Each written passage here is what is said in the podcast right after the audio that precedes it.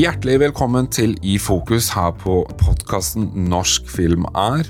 Det her vi tar opp eh, ulike temaer innenfor norsk film og filmbransjen.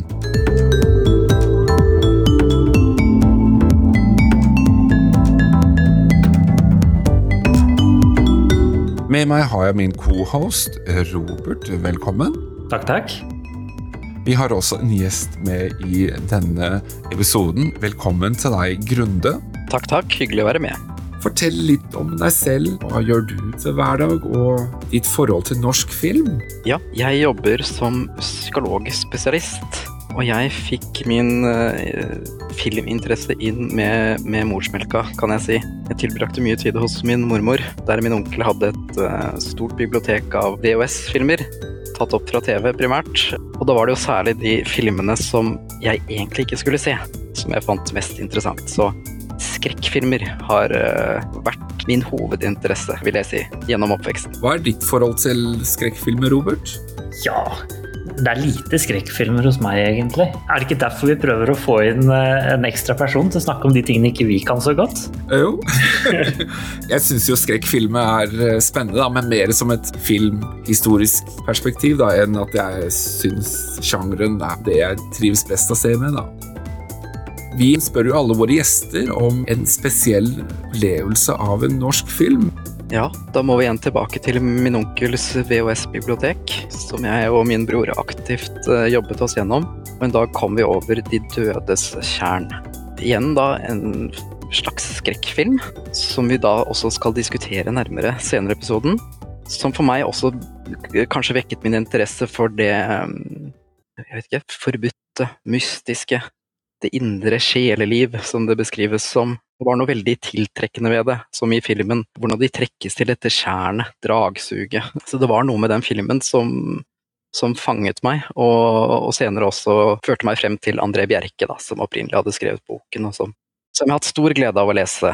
Så det var filmen du oppdaget først? Absolutt, det var gjennom filmen jeg ble kjent med André Bjerke, og senere har jeg da som sagt også lest boken, og det meste André Bjerke har skrevet, både av litteratur og artikler, og, det ene med det andre.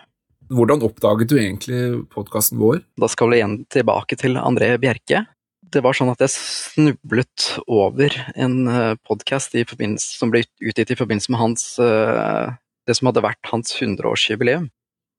Og Da søkte jeg også litt rundt for å se om det var andre podcaster som eh, diskuterte André Bjerke, og da kom jeg over deres episode av De dødes kjern. Da var det jo flaks at du hadde valgt den filmen, da. Ja, absolutt. Vi har jo et spesielt tema for denne episoden.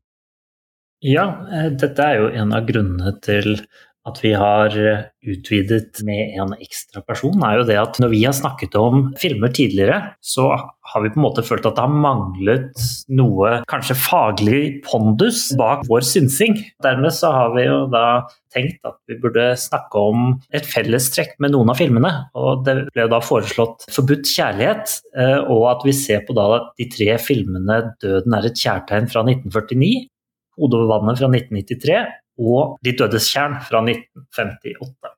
Det var jo du som valgte temaet, Grunde.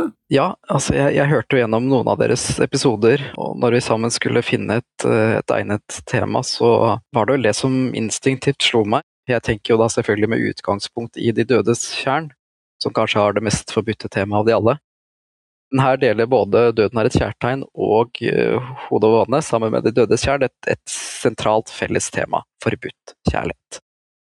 Det spiller seg ut i ulike former i de tre filmene, så det er jo interessant da å se på hvordan de forsøker å formidle det, og kanskje de ulike psykologiske aspektene ved karakterene og kjærligheten eller forholdet de imellom. Da syns jeg bare at vi skal gå rett i gang med første film. Eh, de dødes kjærtegn. Eh, den eh, har vi jo Eller Døden er et kjærtegn. Døden er et kjærtegn, er det selvfølgelig den heter. kan du si litt om den, Robert? Det var jo du som valgte den i sin tid? ja, det var det. Det er jo den første filmen regissert av en kvinne. Det er da Edith Kalmar som har laget denne filmen. og det er da en en tidlig versjon, eller Norges første, kanskje, film noir. Den har jo da dette temaet som vi skal snakke om i dag, først og fremst. Pga. hovedpersonene Sonja og Erik, som er fra hver sin klasse. Da. Hvor du da har Erik, som er fra en fattig arbeiders eh, i Oslo, mens du har da Sonja, som er en gift dame som er rik som bare det, og som lever et helt annet liv. Og så skjer det ting. For det første så syns jeg filmen er rett på sak. Allerede i første scene så blir vi presentert for uh, både Erik og Sonja som helt åpenbare representanter for hver sin samfunnsklasse, og helt åpenbart med et godt blikk til hverandre fra første stund. Sånn sett er det den av de tre filmene som er uh, enklest å forstå. Altså, narrativet blir presentert veldig tydelig for oss. Det jeg finner interessant, er hvorvidt vi skal forstå deres uh, gryende forhold og etter hvert ekteskap uh, som en samfunnsanalyse. Hvorvidt det er to samfunnsklasser som streber med å forholde seg til hverandre. Det er overklassen som går ned og forsyner seg av underklassen, og sånn sett bruker sin makt og status, og det er underklassen som aktivt kjemper mot. Eller om vi skal se det som en historie om to mennesker som utvikler et forhold og følelser for hverandre og har et uh, samliv.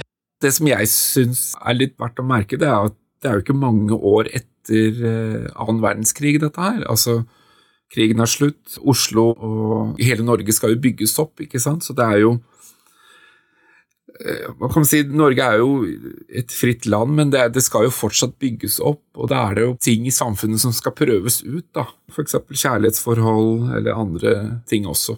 Altså Man har liksom ligget, eh, vært liksom litt lokk på samfunnet i fem år, ikke sant. Og det syns jeg er jo litt interessant at eh, de tar opp akkurat den eh, Et sånn tversnitt av samfunnet, da.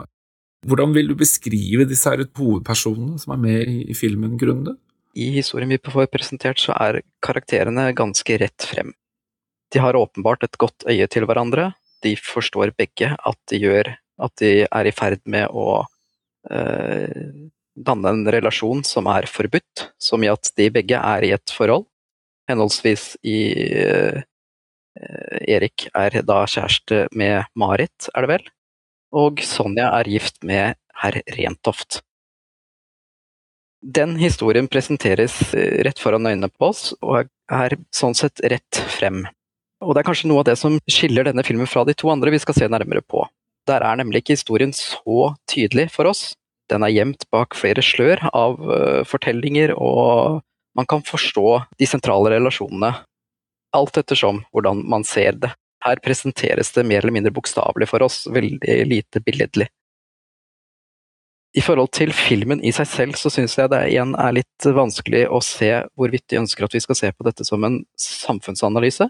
At det er denne klassekampen som spiller seg ut, og det vi kanskje etter hvert skal snakke litt om, hvordan det viser seg å være en, eh, et uforenlig ekteskap. Både bokstavelig for de, og kanskje også da for samfunnsklassene. Hvorvidt vi skal se på det som fra et rent relasjonelt perspektiv. Hvordan eh, Erik og Sonja på hvert sitt vis eh, kjemper om, om kontroll og makt i relasjonen. Eller om vi kanskje litt sånn helt på siden skal se på det som en sånn kanskje litt mer kvinnefrigjørende film. Hvor Sonja er den som hvert fall det indikeres vel at Sonja er den som tjener penger i sitt ekteskap. Sonja er også den som tar for seg på det som i 1949 var kanskje et lite kvinnelig vis. Så den, den, den filmen kan jo for så vidt sånn sett også ses på ulike måter, selv om vi får en veldig bokstavelig uh, fortelling uh, presentert til oss. Altså, jeg tenker jo litt at, at vi, vi, kommer litt inn på det der med fri vilje. Hva er det som driver våre handlinger, altså det med fornuft og følelser, mm. føler jeg på en måte kommer veldig sterkt fram. Fordi det svinger jo veldig mellom fornuft og følelse, føler jeg, da, både hos uh, Sonja og Erik som karakter. Uh, og det er vel egentlig Jeg vil si det er egentlig hun som tar initiativet først, da, og nærmest uh, shanghaier Erik. Ja, det er jo igjen den, det, det, vi bokstavelig får presentert foran oss. Men er det fullt så enkelt? Eh, det indikeres jo samtidig at Erik er en aktiv part, og vi ser jo allerede første kvelden så begynner Erik i sitt indre sinn å fantasere om hvordan det hadde vært å gå ned spenningens vei med denne ukjente, men spennende kvinnen. Så å forlate det trygge og tre inn i det forbudte, ukjente. Samtidig er det en veldig bevisst prosess for Erik. Vi må kanskje også anta at det er en bevisst prosess hos uh, Sonja.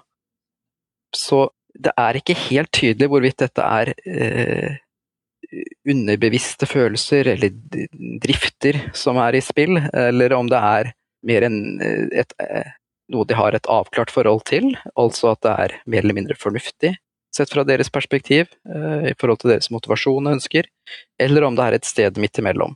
For meg så fremstår det relativt bevisst. De er bevisste i sine handlinger, de reflekterer høyt om hva som foregår, hvordan de påvirker andre rundt seg. I hvert fall Erik gjør det. Og jeg tenker Erik får da stå som en representant for uh, hvordan Sonja da også forholder seg til dette. Så av de tre filmene igjen, så er det den tydeligste filmen uh, i forhold til å Det er kanskje et egodrevet, en egodrevet prosess. Det er jo en inndeling Freud i sin tid etablerte, hvor id er betegnelsen for det underbevisste, driftene, det dyriske, behovsdrevne i oss som med tidens tann formes av eh, ytre krav, forventninger, normer, altså et superego. Og et ego, det ditt bevisste selv i, imellom disse to, som styrer de ytre og de indre kreftene i eh, det som forhåpentligvis i eh, et godt etablert selv er eh, hensiktsmessige retninger i forhold til hvilken situasjon man er i, og hva som kan være nyttig og ikke nyttig å gjøre, og måter å oppføre seg på. Du var litt inne på det med Freud. Eh, er det sånn tre forskjellige typer egoer vi snakker om, eller er det flere? Hvordan henger det sammen? Hvis vi ser litt vekk fra disse betegnelsene, id som det underbevisste, ego som litt bevisste, den meglende fornuftsparten, og superego som samfunnets ytre krav, forventninger, normer, eh, samfunnet da representert gjennom alle utenom en selv, egentlig ens foreldre er jo kanskje eh, de som fra tidlig alder av etablerer noen normer. Forteller hva som er forbudt og galt, og hvorfor det er sånn. Det er også samfunnet da som straffer, ikke sant? eksempelvis gjennom da foreldrene i oppveksten, eller andre ytre omsorgspersoner. I, I, 1949 så var det sikkert både skolevesen og naboer og andre som aktivt fysisk kunne straffe også, eksempelvis. Dette bør ikke nødvendigvis være en fysisk straff, men det er Eh, man får en psykisk oppfattelse av hva som er rett og galt, gjennom hvordan andre responderer på ens egen atferd. Så jeg tror ikke vi skal henge oss så mye opp i, i, i betegnelsene, men det, mer, det kan forholde oss til den underbevisste delen, den bevisste delen og det ytre samfunnet, altså kulturelle normer, forventninger. Så Hvis tenker du altså, de to karakterene, altså Sonja og Erik, er det noen klare kategorier de faller inn, inn under? Altså, i, i sum sånn jeg ser filmen, så er de relativt bevisste sine, sine handlinger. De forstår prosessen de er i, de reflekterer hva er galt med dette, hva er riktig med dette. De strever noe med hvordan de skal forholde seg til denne prosessen. Det er jo et eksempel der hvor det er en enighet om at Sonja skal eh, skille seg, tre ut av ekteskapet og informere sin mann om det, men trekker seg. Sant? så det er en ambivalens der der strever nok Sonjas ego, altså Sonjas bevisste selv, å forholde seg til sine lyster, drifter, det underbevisste, sånn sett, da, og de ytre forventningene. Hvorvidt det er at eh, hun er redd for å såre sin ektemann, konsekvensene av å tre ut et ekteskap overfor han, om det er i forhold til hvordan samfunnet vil dømme henne for den handlingen, det, det får vi ikke eh, innblikk i. Men jeg ser ikke helt at Erik har den samme prosessen. Det er mer et bevisst forhold. Han har et bevisst forhold til hva han uh, bedriver, og det er ikke så mye tvil og ambivalens rundt det. Det som jeg tenker når jeg ser denne filmen, uh, er jo at, at det, det, som skjer er relativt innlysende, men kanskje ikke var så mye inn Altså man snakket ikke så mye om dette på den tiden, har jeg en følelse av at man ikke gjorde.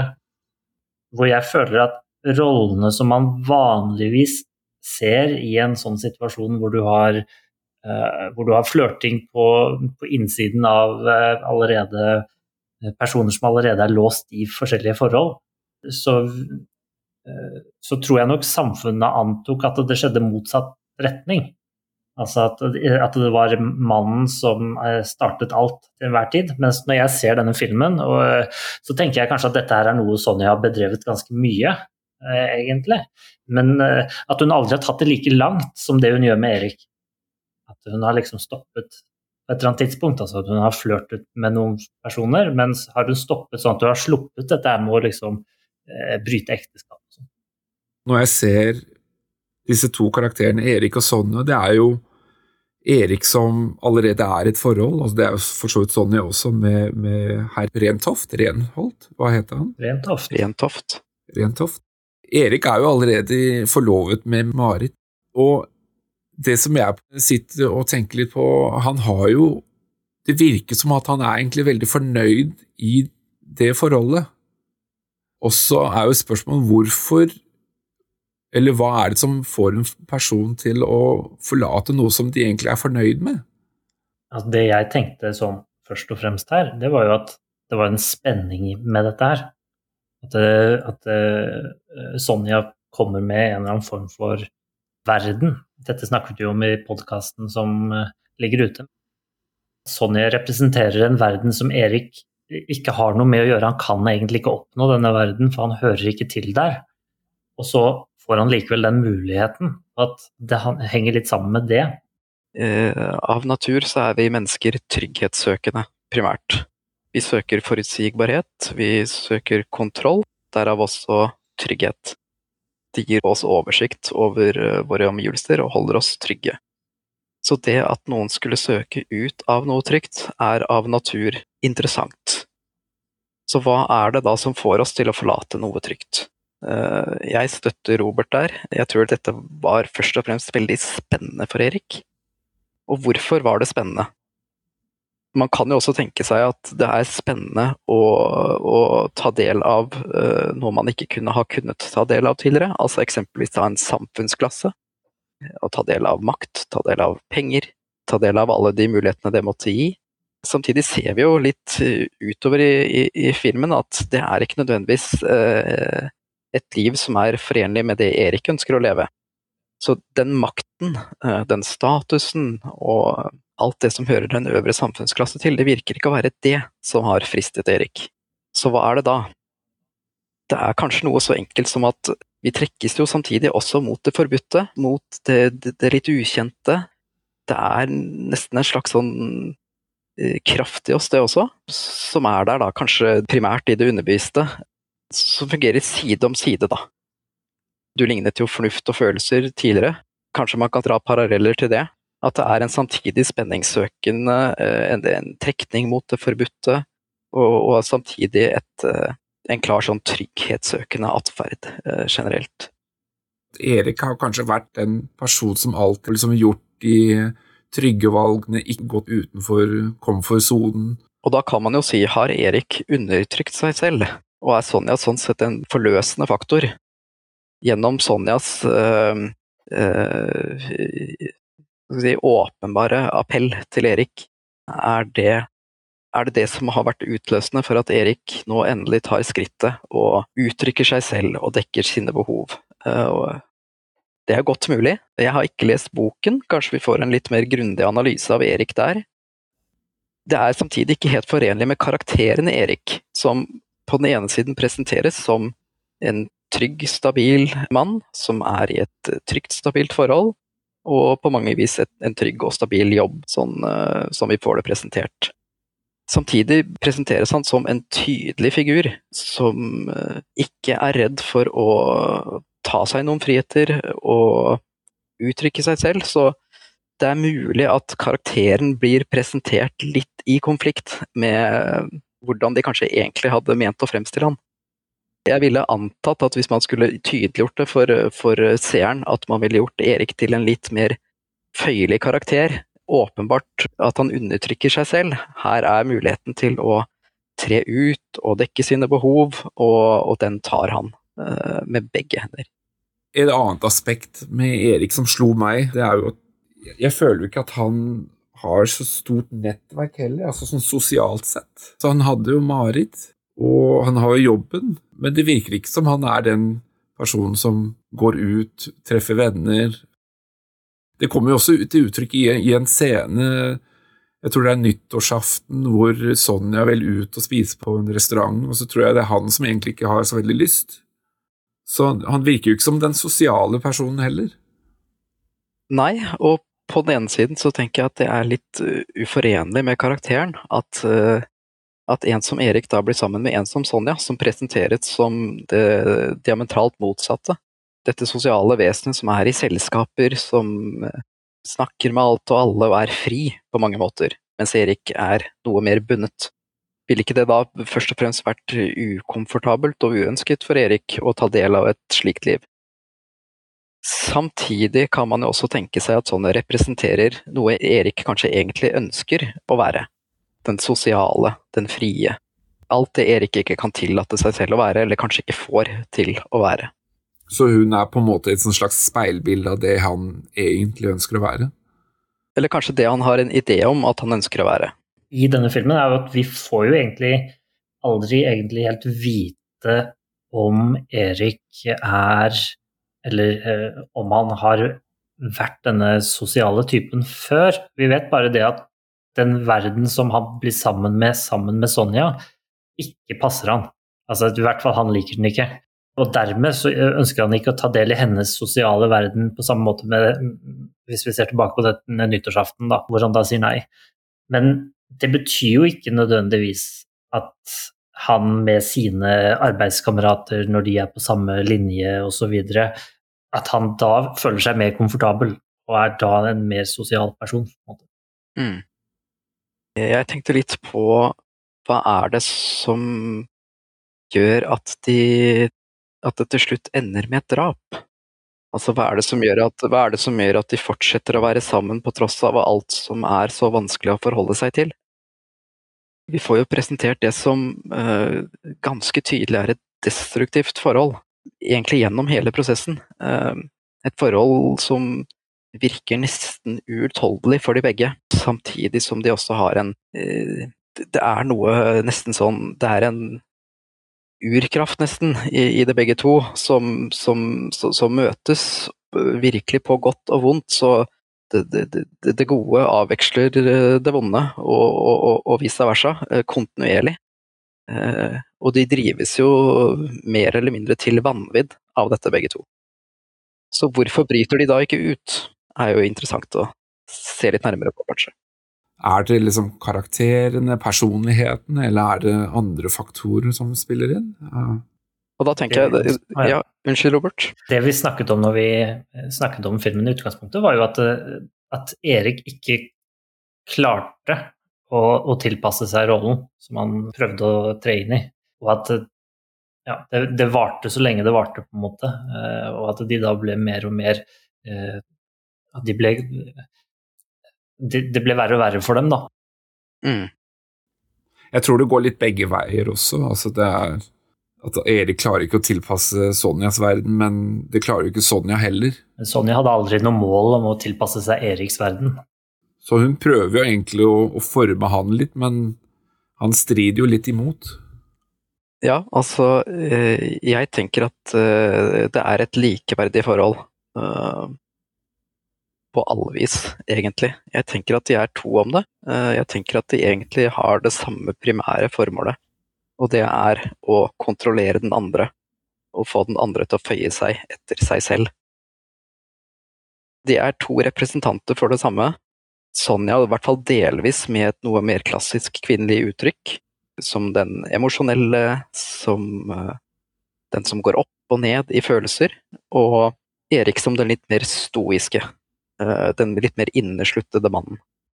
Hvis man ser på Eriks eh, forhold til Marit, hans tidligere forlovede var det vel, eh, til og med, Marit blir jo presentert som en føyelig karakter, hvor Erik kan bedrive sitt, og det er Marit helt komfortabel og fornøyd med. Tilsvarende ser man det samme på en litt annen måte kanskje hos Sonja. Sonja kan i hvert fall i sitt ekteskap leve sitt liv fritt, uten altfor mye ytre kontroll. Det er sånn de ønsker det. Når de da to kommer sammen, møter en likeverdig motstander, og det at de ikke klarer å kontrollere den andre, driver de til vanvidd.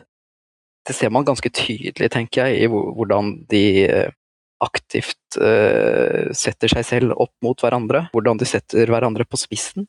Uh, i, I etter hvert desperate forsøk å få en endelig avklaring. Hvem har makten i denne relasjonen? Det som jeg syns er litt interessant, da, det er jo at i en scene så sier jo hun Sonja sier jo at hun føler at han overser henne, at han ikke gir henne oppmerksomhet. Men jeg føler jo at, at, det egentlig er det motsatte, at det er jo hun som egentlig overser han. Jeg tenker de bruker de midlene de har tilgjengelig for å forsøke å etablere eh, sin posisjon og ta kontroll over den andre. Og jeg tenker kanskje litt sånn i motsetning til hva filmen kanskje bokstavelig presenterer for oss, så tenker jeg kanskje det først og fremst er Erik som er den eh, som er antagonisten i filmen. Det er jo også han som til sist ender opp med å drepe Sonja. Men hva er det som gjør at han egentlig ender opp der? Eh, jeg føler at det er jo ganske langt hopp, da. Det å være i et forhold som ikke funker, og så plutselig så gjør han en sånn handling. Ja, og hvorfor han gjør det, kan, eh, det, det har vi jo selvfølgelig ikke svaret på. Men hva som kan drive mennesker til det generelt. Altså, det er noe med den eh, De har jo over tid satt seg selv i en uutholdelig situasjon, som i hvert fall i det minste symbolsk eh, må føre til forholdets død, eller en av partenes død. Det kunne jo også da innebært å gå fra hverandre, selvfølgelig. Men det hadde tydeligvis ikke vært nok her. Jeg husker ikke akkurat hva som blir sagt helt i starten av filmen, men eh, Erik sier noe sånt noe som, til sin advokat eller politiet der at eh, det kunne ikke gått på en annen måte. Altså, det var ingen mulighet at dette ville endt på en annen måte enn slik det endte til slutt i filmen. Nei, så jeg tror de hadde jobbet seg mot kanten av stupet, og det var ingen vei tilbake. Den ene måtte ofres for, uh, for at den andre skulle overleve. Og Det er jo også en siste replikk i, i filmen hvor det kommer fram, eller hvor det sies dersom vi vet utfallet av våre handlinger, vil vi gjøre våre valg annerledes. Og da er vi jo tilbake til det der med fri vilje. Altså, hva er det som driver eh, handlingene våre? Og Der bekrefter jo Erik at han ville gjort det samme igjen. Ja, ikke sant? Men kunne Sonja ha gjort det samme? Altså, det er jo det som er litt interessant. Da kunne hun ha drept Erik? Ja. Er det ikke et forsøk på det, egentlig? nesten. Nå er det lenge siden jeg har sett filmen. helt, helt i slutten der eh, så er det vel det at det, det hvelver over i, fra Eriks side. For det er litt usikkert hvem som tok livet av hvem i, inntil uh, mm. altså, altså, Vi vet utfallet fordi at det er Erik som snakker med advokaten, men, ja. men sånn fra bildene sin side så var det vel litt usikkert på slutten. Det er vel hun som drar den der smørkniven, er det ikke det? Jo, jeg tror det. Og så er det han som prøver å kvele, eller han, han lykkes jo å kvele henne, hvis jeg husker rett. Jeg føler jo at de Sonja er nok, i hvert fall mot slutten, en, den mer aktive part i å i det minste symbolsk drepe Erik. Drepe hans liv, drepe hans rykte. Hun presenterer jo Erik for omverdenen via politi, eller til politiet, til venner, som en som eh, slår henne, misbruker henne. Et karakterdrap på mange vis så er det jo gjerne sånn da, i historien at eh, menn tyr til fysisk makt, og jenter, eller damer, kvinner, tyr til psykisk. Det er de samme følelsene som ligger bak, et behov for å beskytte seg selv, for å, for å ta kontroll. Så jeg føler at de, de, bedriver det samme spillet, men på ulike vis, og hvorvidt Sonja hadde vært i stand til å drepe Erik, er et interessant spørsmål. Jeg tror Sonja ville fortsatt ned den veien hun hadde startet. Det er da å hvis ikke Erik føyer seg, kontinuere det, det karakterdrapet hun allerede var i gang med. Det som er litt interessant, det er jo at denne historien er jo egentlig basert på en sann historie. Jo, det stemmer. Det, det er en eh, sann historie som endte på denne måten, på, med da, de samme midlene mot slutten. Avslutningen av denne filmen er jo tatt direkte ut av en avisartikkel om, på bakgrunn av et mord. Neste film som vi skal gjøre et lite dykk i, er uh, vår første episode, 'Hodet over vannet' av uh, Nils Gaup. Og her møter vi jo et et par også, altså Lene og Einar, pluss et par andre karakterer også, som blander seg inn i dette her trekantdramaet. Det er jo da Lene og Einar som drar på hyttetur, og så er det da to andre venner som etter tur da dukker opp på besøk.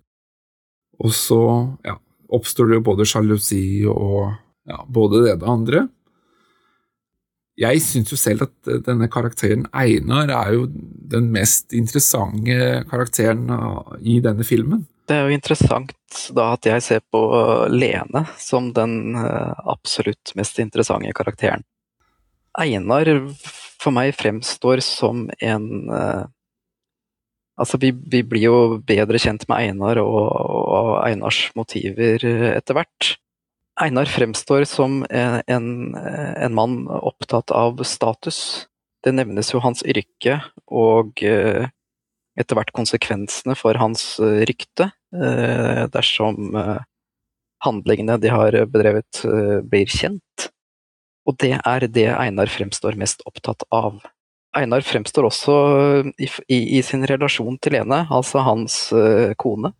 Uh, Lene, Lene, virker å være et objekt for han, uh, altså noe å smykke seg med, noe å eie. Og det tenker jeg han handler, han handler i tråd med den forståelsen gjennom filmen. Altså, jeg vil jo kalle Einar for syk, men det er kanskje ikke det begrepet du vil bruke sånn i en, eh, i en jobbsammenheng? jeg tenker at vi helt fint kan kalle Einar psykisk syke. Lene og Einar burde jo aldri ha møtt hverandre, for det, det går jo tydeligvis ikke bra, dette her. jeg tenker jo litt på hvordan Einar og Lene har møtt hverandre. Fordi det er jo noe med at Lene har jo vært litt ute på skråplanet før og sett henne som en slags person som er vakker, og som er, og som er lett å manipulere og kontrollere. Det er jo interessant uh, å se for seg hvordan de to har møttes, og hvordan de etter hvert uh, utviklet et forhold og ble gift. Så det må jo ha vært noe som har vært tiltrekkende på et litt dypere plan mellom de to, og hva er det?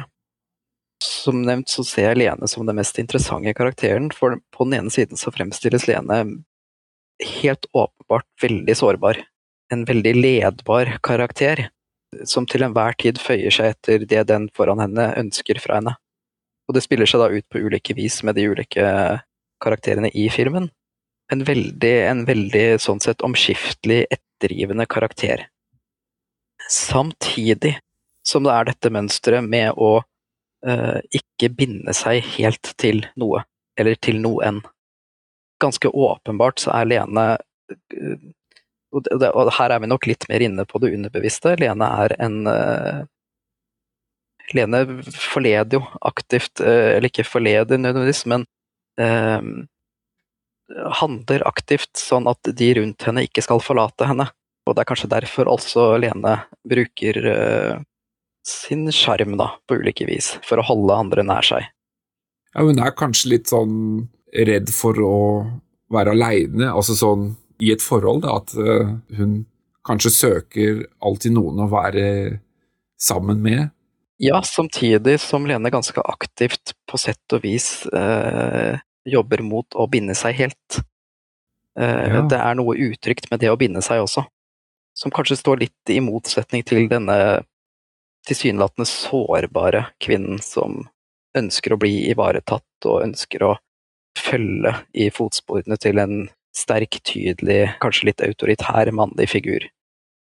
Så på den ene siden så er jo Lene og Einar på sett og vis ment for hverandre.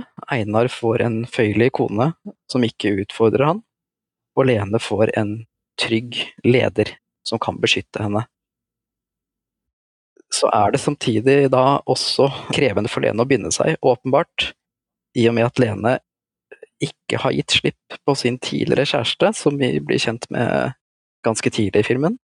Så har vi også Bjørn, denne hyttenaboen, som også virker å være en, eh, en god venn av Lene over tid. Jeg får også inntrykk av at de har kjent hverandre før Lene og Einar ble et par. Eh, ja, for jeg, jeg fikk inntrykk av at, at, han kjente dem sammen, og ikke en av dem nødvendigvis. Kanskje du plukket opp noe som jeg ikke så? Jeg tenkte egentlig at denne var Bjørn han heter. egentlig hadde noe med årsaken til at de faktisk endte sammen. Men det kan det jo ha vært uansett hvem av dem han kjente først. Han er jo tydeligvis interessert i Lene, han også. Ja, og her tenker jeg vi kommer inn i det som for meg er et, en spennende understrøm da, gjennom filmen. Alle disse tre mannlige karakterene er på sett og vis, eller på hvert sitt vis, interessert i å få Lene for seg selv. Lene er interessert i å ha alle tre på hvert sitt vis i nærheten. Men, men oppfatter du at Lene aktivt liksom søker la oss si, et forhold med Gaute og Bjørn? Altså, jeg, jeg føler jo nesten at hun egentlig bare vil være venner med dem. Samtidig gir ikke Lene tydelige signaler til noen av de. Det indikeres jo også at Lene har hatt en affære med, med Gaute, etter, i det minste etter at Lene og Einar ble et par, muligens et, også etter at de har blitt gift. Det er i hvert fall tydelig at Gaute har vært liksom inne i bildet fra før av. Eh, for det kom jo fram at Einar hadde jo jagd han med en øks eller noe sånt. Men, men, Så det har jo vært noe som har skjedd tidligere også. Men i starten der, når Gaute kom, ankommer denne øya, da, eller når Lene er der mm. uh, alene, er ikke Sier ikke Lene da egentlig at hun ikke vil ha han i nærheten? Lene tilbyr han alkohol. Ja, ja for så vidt. Lene gir diffuse signaler, ikke sant. Signaler i den ene retningen. Du kan ikke være her. Det er, det er verbale, stort sett. Utover det så indikerer jo Lene at hun ønsker å ha han der. På et eller annet vis. Og det tenker jeg er som sagt er den spennende understrømmen som går gjennom filmen. Altså hvordan Lenes diffuse signaler også da eh, driver disse mennene på hvert sitt vis litt til vanvidd. Det er jo kanskje det som gjør at disse mennene kommer, fordi de føler at det er det signalet mm. Gir, da. At ja, men kom hit, kom hit, men ikke for nære.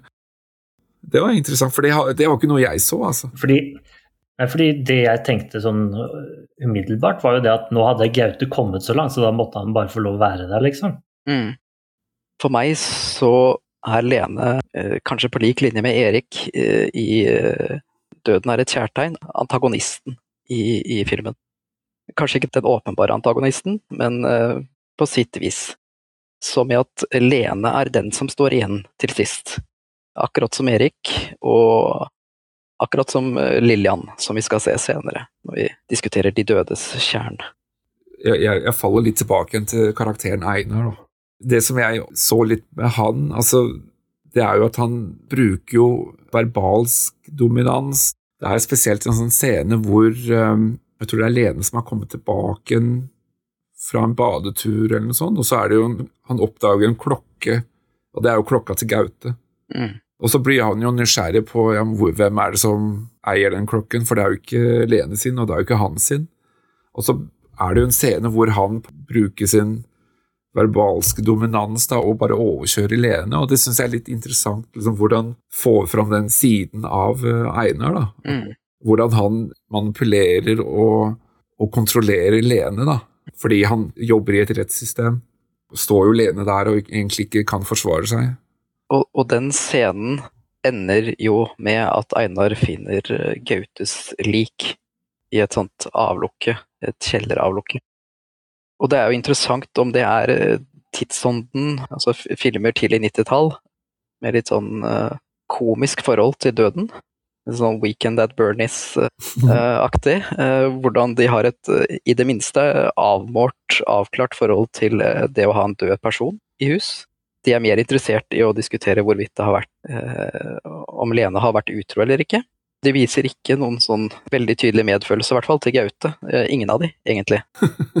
Lene er mer opptatt av å være veldig tydelig på at de i hvert fall ikke lå sammen. Det skal hun ikke ha på seg. Og det er vel også for så vidt det Einar er opptatt av å få avklart.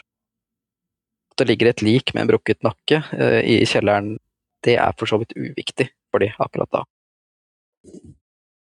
Det jeg tenkte på om akkurat det, var jo det at jeg tilskrev det at uh, Lenes uh, tilstand, det er hennes syke på et vis, at det var ikke viktig for henne, akkurat den biten. Eh, når det kommer til Einar derimot, så var jeg mer usikker på hvert fall på det tidspunktet i filmen, hva som var årsaken til at han ikke brydde seg så mye om at det var en død person i, i huset. For det vil jeg jo tro at du spesielt med hans stilling ville sett på som problematisk. Virkelig problematisk. Det er jo det som på en måte blir problematikken utover filmen. altså Hvordan skal de bli kvitt dette liket? Altså, han er jo opptatt av å ikke bli oppdaget. Men samtidig er han ikke opptatt av, av liket eller personen som er død. Og det, kan vi heller ikke, det får vi heller ikke tydelig fram at Lene er. Men det kan jo ha noe med at det her er Einars rival å gjøre. At han bare ser, Det er litt som en gammel cowboyduell. At endelig er rivalen din død. Mm. Du har ikke noe medfølelse overfor rivalen din. De har jo møtt hverandre før, og han har jo tydeligvis ikke noe til overs for eh, Gaute. Det blir vel sagt at han har jaget han med en øks? Ja, ikke sant? Så det er, mer, det er noe mer, forståelig, eh, sett fra Einars perspektiv, at uh, Gautes død ikke plager han på den måten. Mm. Lene derimot er det jo litt mer interessant å reflektere rundt hvorfor, hvis det da var ekte følelser, hvorfor ser vi ikke en sorgprosess knyttet til personen som er død? Kan det ha noe med sjokk å gjøre? Absolutt kan det det.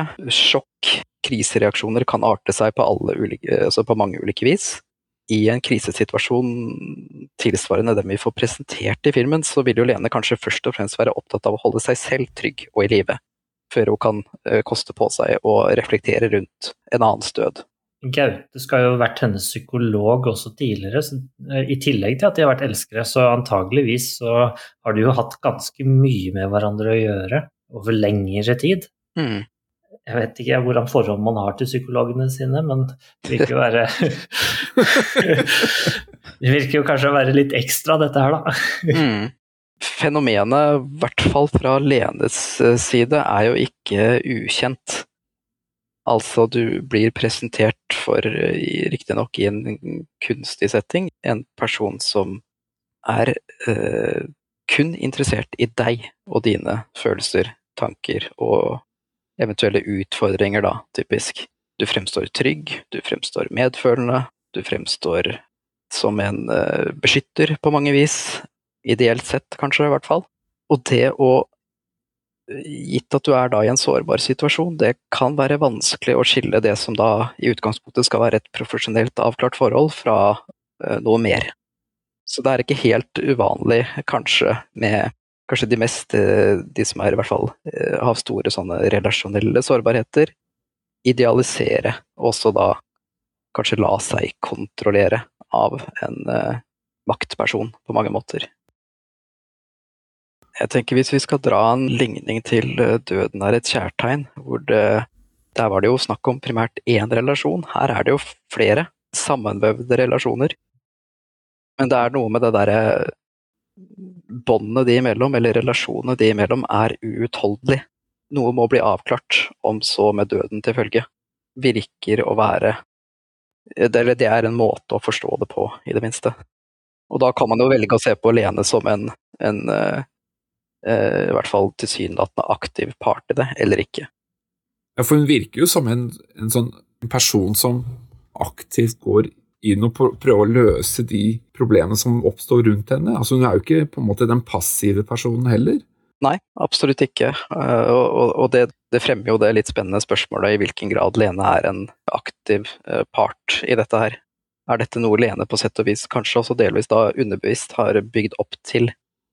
Om ikke så, om ikke har sett for seg alle, alt som skjer, at uh, Lene på sett og vis legger opp til en eh, kulminasjon da, av disse ulike relasjonene, for å få de avklart.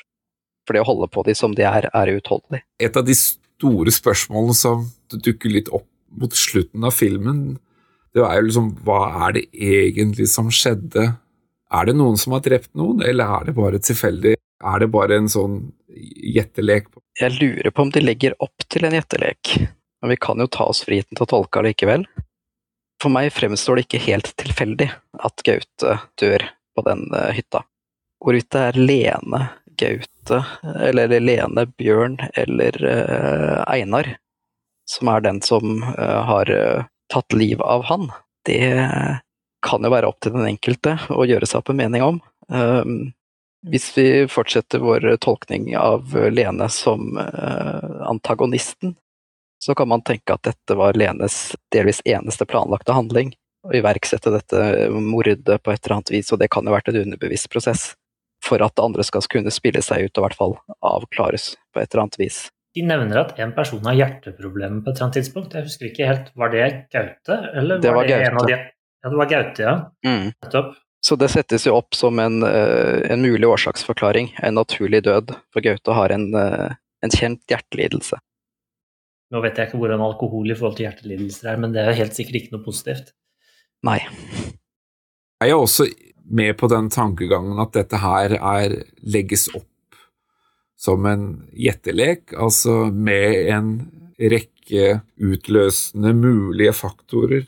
Men det er vi som seere som skal gjette oss fram til hvem er det som egentlig, eller hva som egentlig er skjedd.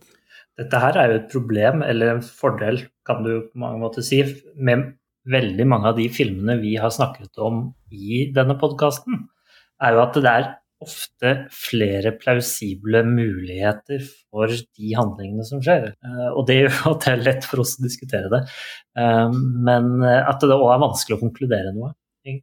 Men det, det er også det jeg syns gjør filmen artig og interessant, det er at den gir ikke noe definitivt svar. Da kan man jo se filmen om og om igjen og oppdage noe nytt hele tiden.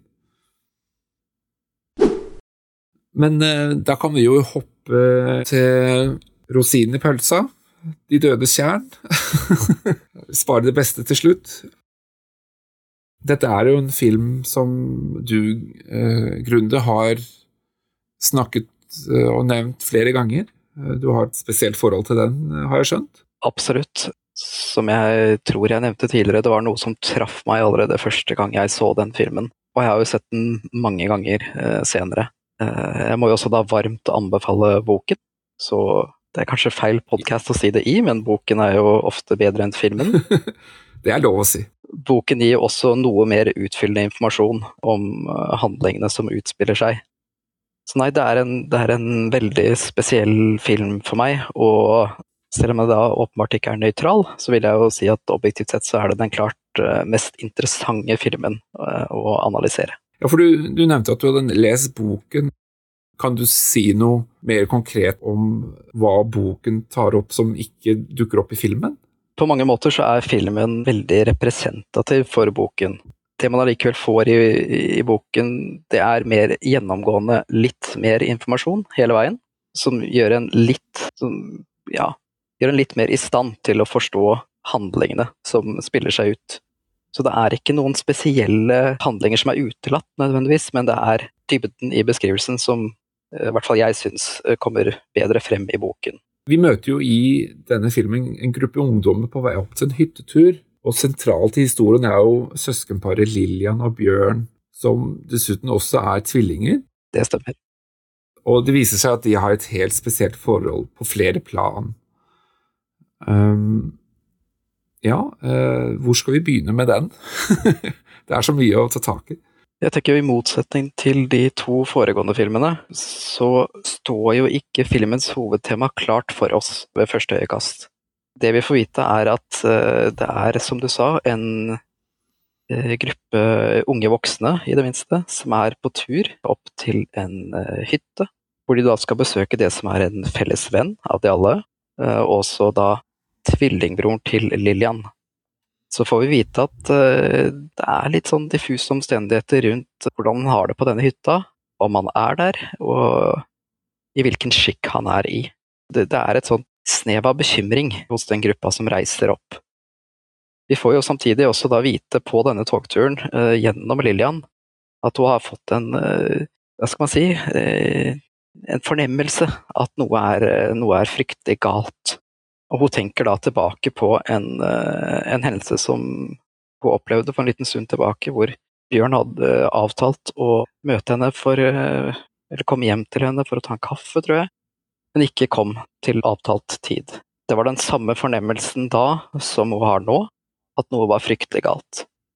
Så det er denne, denne fornemmelsen det hele begynner med, og den, eh, det som blir presentert som et veldig tett, eh, nesten eh, telepatisk bånd mellom disse tvillingene. Vi kan begynne jo litt sånn generelt, fordi det er jo visse begreper som dukker opp i filmen, eksempel psykoanalyse. En av karakterene er jo til og med også psykolog. Jo, eller en psykiater presenteres han som. Kai Bugge. Kai Bugge. Tenk på litt på det med psykoanalyse. Kan du fortelle litt om hva, hva det egentlig er? I sin enkleste form så er det en metode for å få tilgang til det underbevisste, eh, sjeleliv, som det vel presenteres som i eh, filmen. Så gjennom fri assosiasjon, altså å bare sette en person i, i, i posisjon til å fritt assosiere, uten et styrt ytre narrativ. Bare si hva de tenker på, hva de føler på, hva som kommer inn i deres hode. Og samle trådene og mønsteret i det, så får man tilgang til det indre liv, som da er det som egentlig ligger og styrer handlingene man utøver, eller problemene man har. Er det noe som man fortsatt snakker om og bruker i dag? Det er absolutt noe man, eh, eller mange, fortsatt eh, aktivt utøver i sin reneste form så har man etter hvert utvikla mer eh, moderne metoder for å få tilgang til det samme. I denne filmen så er det jo Kai eh, Bugge, da, som er denne psykiateren eller psykologen og sånt. Jeg lurte litt på hva som var grunnen til at du har med deg en psykolog eller psykiater på tur. Er det liksom denne psykoanalysen hvor du skal få, få med deg alt sammen, er det noe som Eh, eksklusivt skjer i en stol på et kontor, eller er det noe som altså, du har med deg psykologen og du kan, eh, som følger alt du gjør?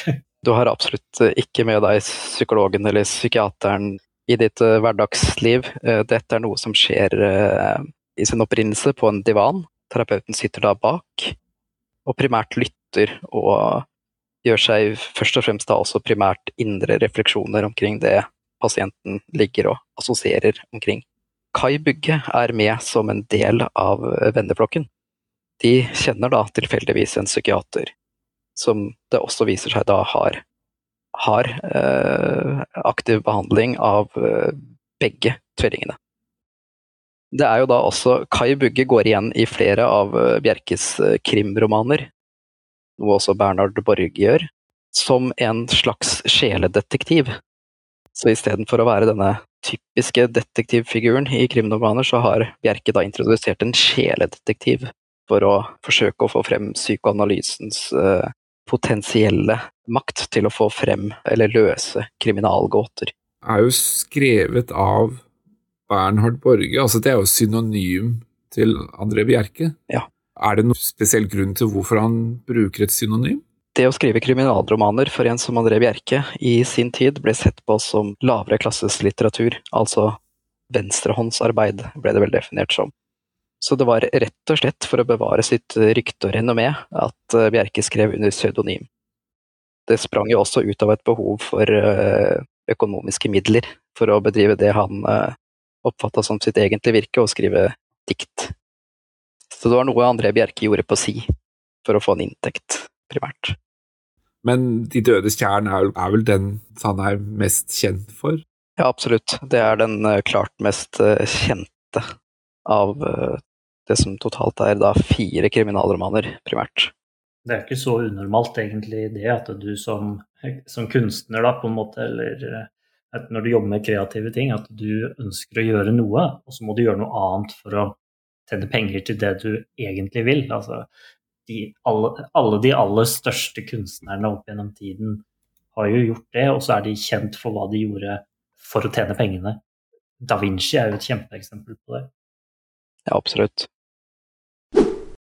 I de to foregående filmene så har vi jo presentert eh, hovedkarakterene relativt tidlig og tydelig, og vi har også fått presentert tema relativt tydelig. I De dødes tjern så man kan jo egentlig stille seg spørsmål om det noen gang blir presentert helt tydelig. I hvert fall ikke før den endelige konklusjonen gitt av Bugge på hvordan alt dette da henger sammen. Så jeg tenker det har vært litt interessant å høre kanskje fra deg, Robert, hvem du identifiserer som hovedkarakterene i handlingen. Og når eventuelt du, du, du ser at det kommer tydelig frem? Ja, det er et spørsmål. Altså, jeg tenker jo at altså, Bernhard er på en måte en slags forteller av det hele. og og at dette handler om Lillian. Mm. Altså, når det kommer fram Jeg vet ikke. Jeg tenkte at dette handlet om at Kai Bugge forsøker å finne ut av hva som Jeg trodde lenge hva som var pro problemet eller utfordringen til Lillian. da. Det er jo et sånt sted i filmen hvor Kai Bugge han begynner å ta litt over handlingen. Det er han som går inn og blir en sånn Poirot, nesten. Mm. Jeg føler at det er et sted i filmen hvor det liksom nesten bikker litt over fra Bernhard til Bugge. Vi kalte jo dette for krimfilm.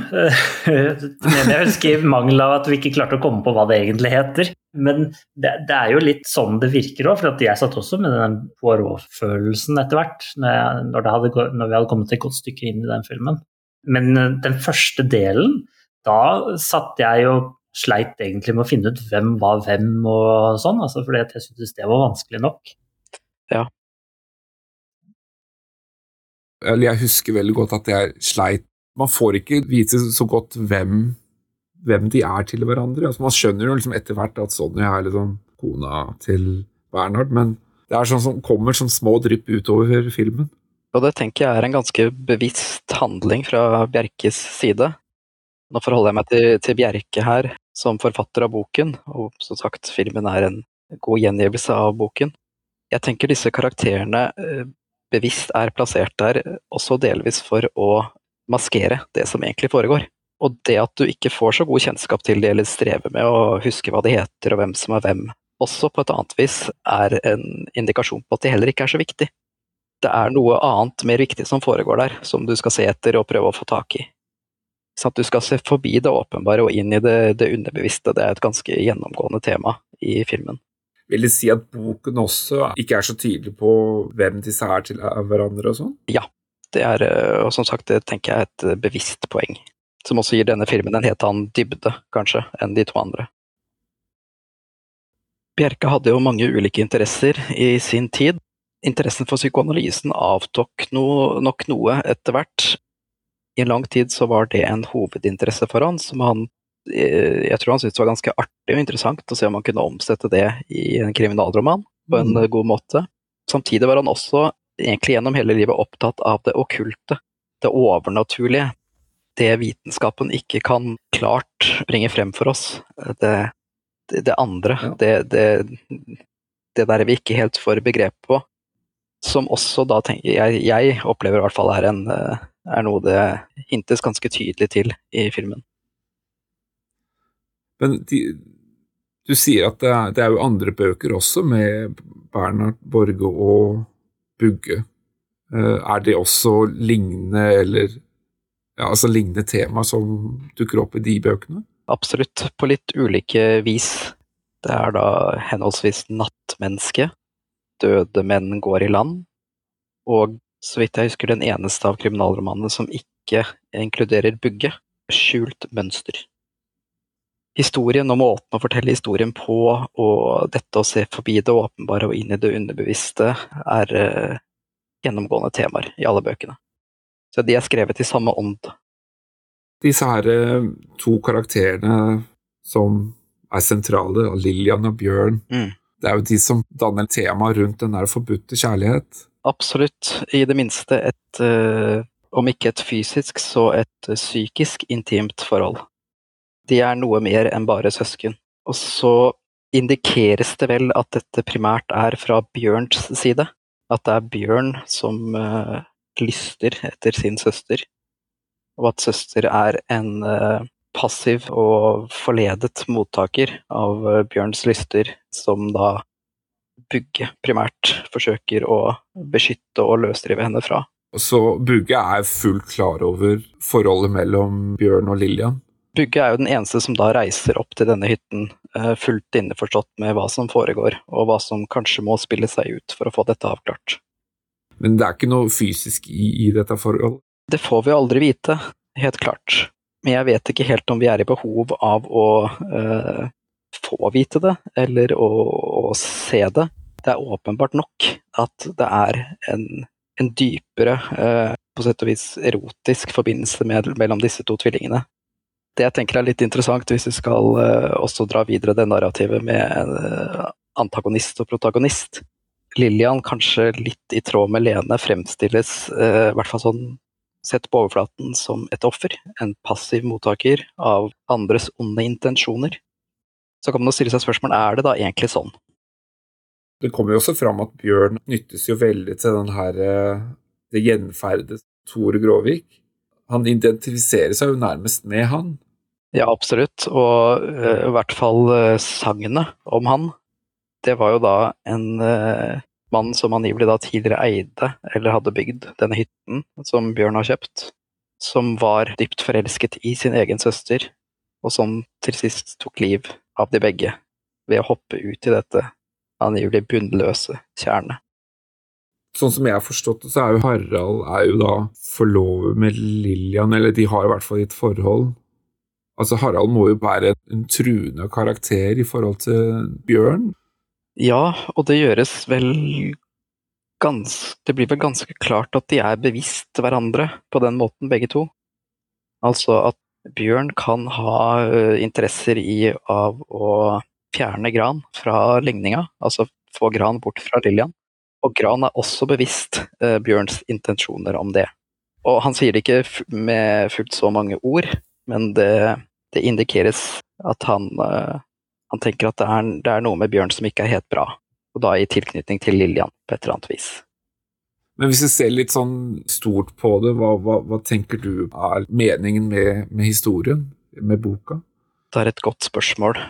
Jeg tenker det er, det er, det er for så vidt mange budskap ved historien kanskje mest interessant i, i forhold til temaet vi har i dag, forbudt kjærlighet, så er det kanskje disse ubevisste driftene som er helt på avveie, og som spiller seg ut på, på måter som tilsynelatende er helt uh, på det mest forbudte vis. Vi er jo inne på et tabuområde her.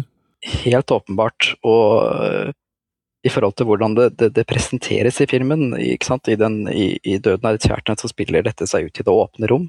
Og det er kanskje den minst forbudte kjærligheten av, av alle de tre filmene. Hodet over vannet så spiller det seg ut på en uh, avsidesliggende hytte ved sjøen.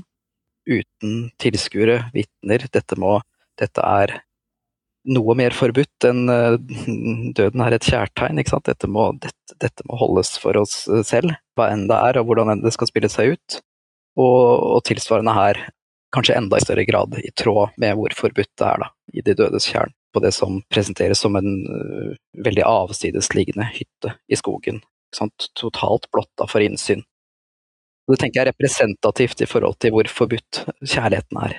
Hvis man ser opp mot uh, psykoanalysen, så forholder den seg jo til fortrengte følelser. Altså det vi ikke bevisst klarer å forholde oss til, som er for vondt eller for vanskelig, det fortrenger vi det tenker jeg filmen eh, gjør et eh, stort poeng ut av.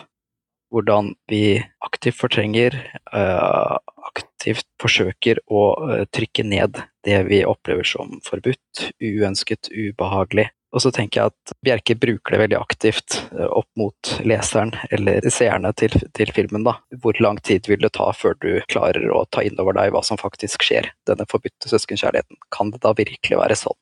Vil du si at Bjørn bevisst, altså gjør et bevisst valg og, og, søker etter det som altså blir besnæret av det forbudte? Er det det som driver han? Både Lillian og Bjørn på sett og vis er fanget i dette. Eh, dette er ikke noe de bevisst drives mot som en spenningssøkende atferd. De er eh, fortapte i det, begge to. Kanskje allerede fra fødsel av at dette alltid har vært et bånd som ingen av de klarer å bryte eller komme seg ut av, og den eneste veien fremover er videre og dypere inn i det som på sett og vis heller ikke er mulig. Vil man da beskrive Bjørn som et offer også? At han er underlagt handlinger som han egentlig ikke er herre over? Ja, og her tenker jeg hvem er antagonist, og hvem er protagonist her? Hvem er helt, og hvem er skurk? Hvem er offer, og hvem er skurk? Her kanskje vi kan ligne det med Døden er et kjærtegn. For meg så er det vanskelig å definere den ene som det ene og den andre som den andre. Jeg tenker de er de er på sett og vis likestilte i, i den uh, situasjonen de er i, i de følelsene de er i, i, i det underbevisste, ukontrollerte uh, følelseslivet som de deler sammen. Så tenker jeg at de forholder seg til det på hvert sitt vis. De er nok like desperate etter å få dette avklart. Det er utallig å leve med for begge to. Satt på spissen så, så blir Bjørn gal reiser opp til hytta og fortaper seg i, i sitt indre, utvikler da klare vrangforestillinger som det presenteres, og Lillian fortaper seg i seg selv, forsvinner. Hun blir presentert ganske gjennomgående som en distansert figur som er fortapt i seg selv. Vi nevnte jo noe om uh, fri vilje og sånn her i, ved de forrige filmene. Er det sånn mm. at Lillian og Bjørn ikke har noen form for fri vilje til å kunne altså, gå vekk fra disse lystene? Det er jo sånn, det er jo slik det presenteres. At her er det nok, i hvert fall i de, av de tre filmene, det tydeligste eksempelet på at dette er ikke bevisste viljestyrte handlinger som sådan. De er uh, totalt underkastet uh, sin underbevissthet og hva som foregår der, og det er ikke noe de har bevisst tilgjengelighet på. Bjørn har jo på en måte en viss kontroll over Lillian gjennom disse drømmene og, og det underbevisste. Er det, er det, slik å forstå at, at sånn det henger sammen? Det er i hvert fall den mest åpenbare fortolkningen. Det er jo også det som kanskje ganske bokstavelig etter hvert blir presentert. Så kan man igjen da stille seg spørsmålet, hvis de har den type kontakt og tilgjengelighet til hverandre eh, i det underbevisste, kan det ikke da også gå begge veier? Ja. Kan man se Bjørn som en brikke i et uh, underbevisst spill fra Lillian, potensielt? Når jeg ser denne filmen, så tenkte jeg først og fremst på overflaten, i hvert fall. At Lillian var liksom en sånn svevende, svevende person, på en måte, som egentlig bare slet med en hel masse ting, og dermed på en måte ikke var helt til stede. Mm. Men eh, i motsetning da til de andre eh, karakterene, egentlig, og, og da alles karakterene.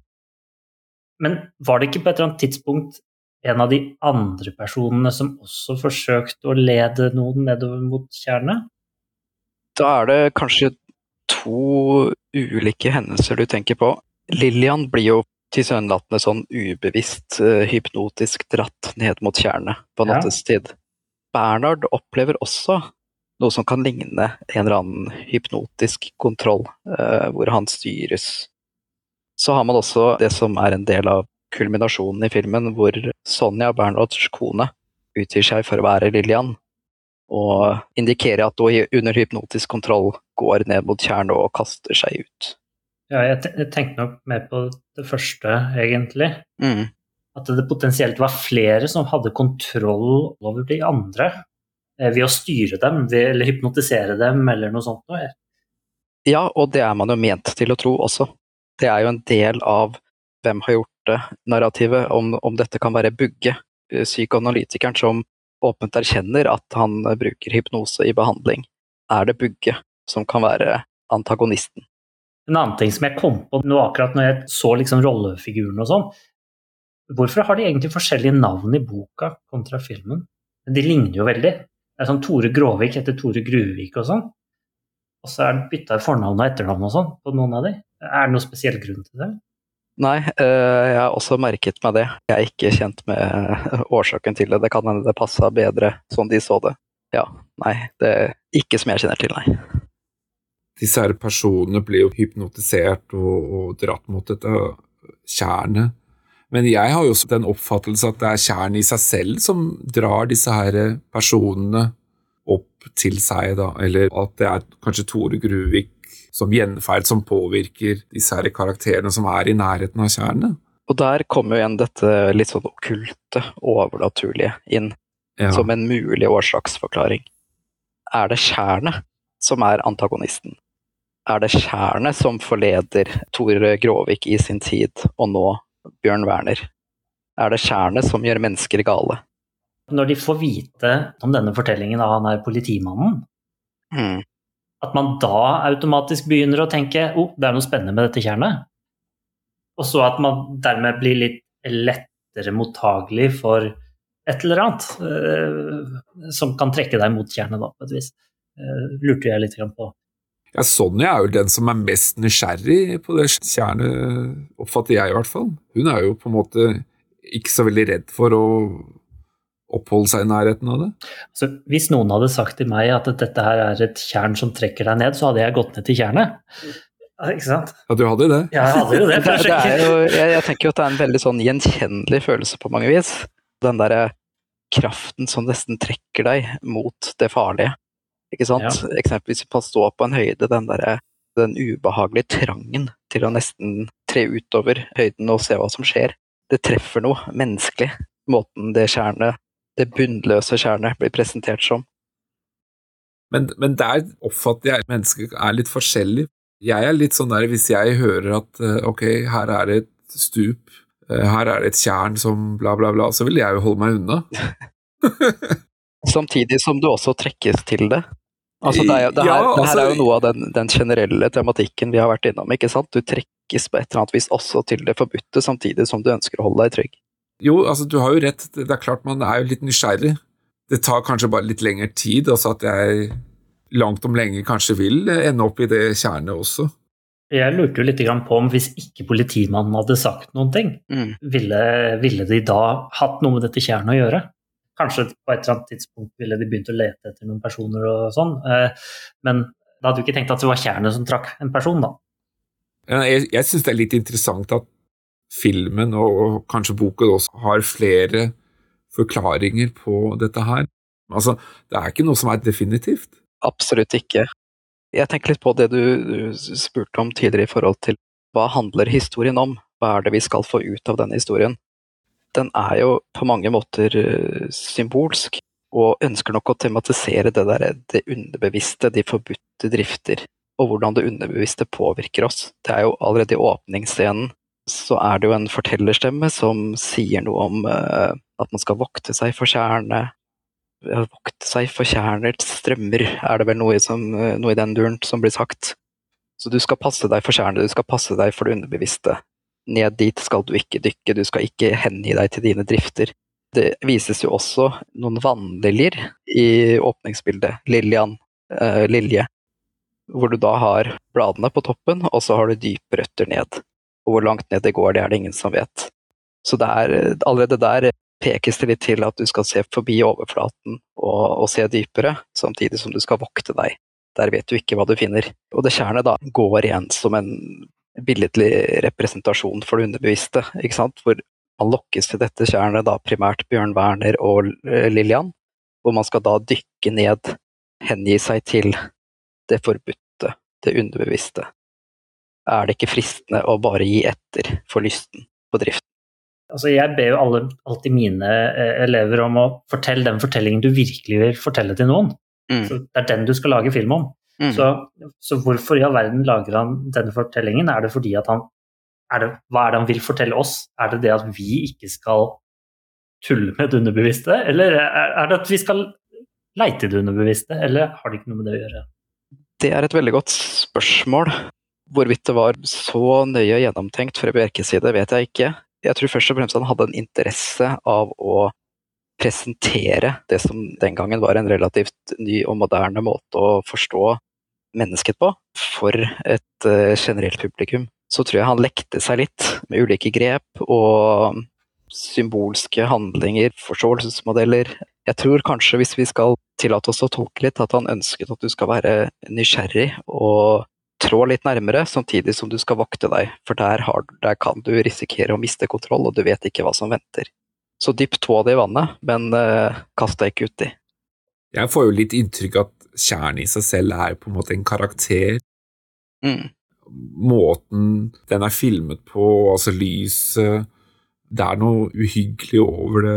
Det virker bare som at det er en levende karakter. Absolutt. Men da begynner vi å nærme oss slutten på episoden.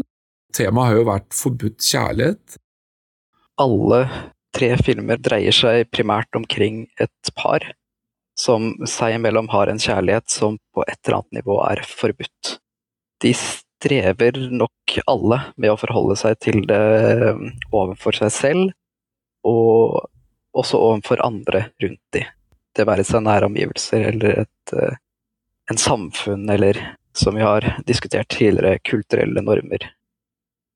Det jeg tenker også er gjennomgående, selv i de, de to filmene vi har sagt at vi får en litt mer bokstavelig fremstilling og tematisering, så for meg i det minste så er det gjennomgående at det er vanskelig for meg å identifisere hvem som har kontrollen, hvem som utøver hva. Og ja, da kanskje litt på tvers av særlig de to første filmene, hva som øh, kanskje litt mer bokstavelig blir presentert.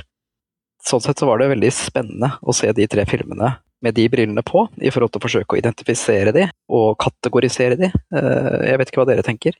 Det kom jo nye aspekter fram som ikke jeg hadde lagt merke til, som absolutt var interessant. Eh, det som vi på en måte har savna, er jo den faglige sikkerheten på våre tanker. Men kanskje også blitt litt mer utfordra enn det vi klarer å utfordre oss selv. Når vi skal prøve å forstå disse tre filmene da spesifikt, eh, og se litt mer, eh, kanskje lengre enn overflaten på, på det som handler om da, denne kjærligheten som ikke nødvendigvis er allmenn godkjent i alle settinger. Da setter vi punktum for denne gang. Hvis du har lyst til å høre på alle våre andre episoder, så er vi på eh, Google, og vi er på Apple, og vi er på Spotify. Du finner oss også på Facebook og på Instagram. Og så er det jo egentlig bare å si ha det bra, alle sammen. Ha det bra. Ha det bra.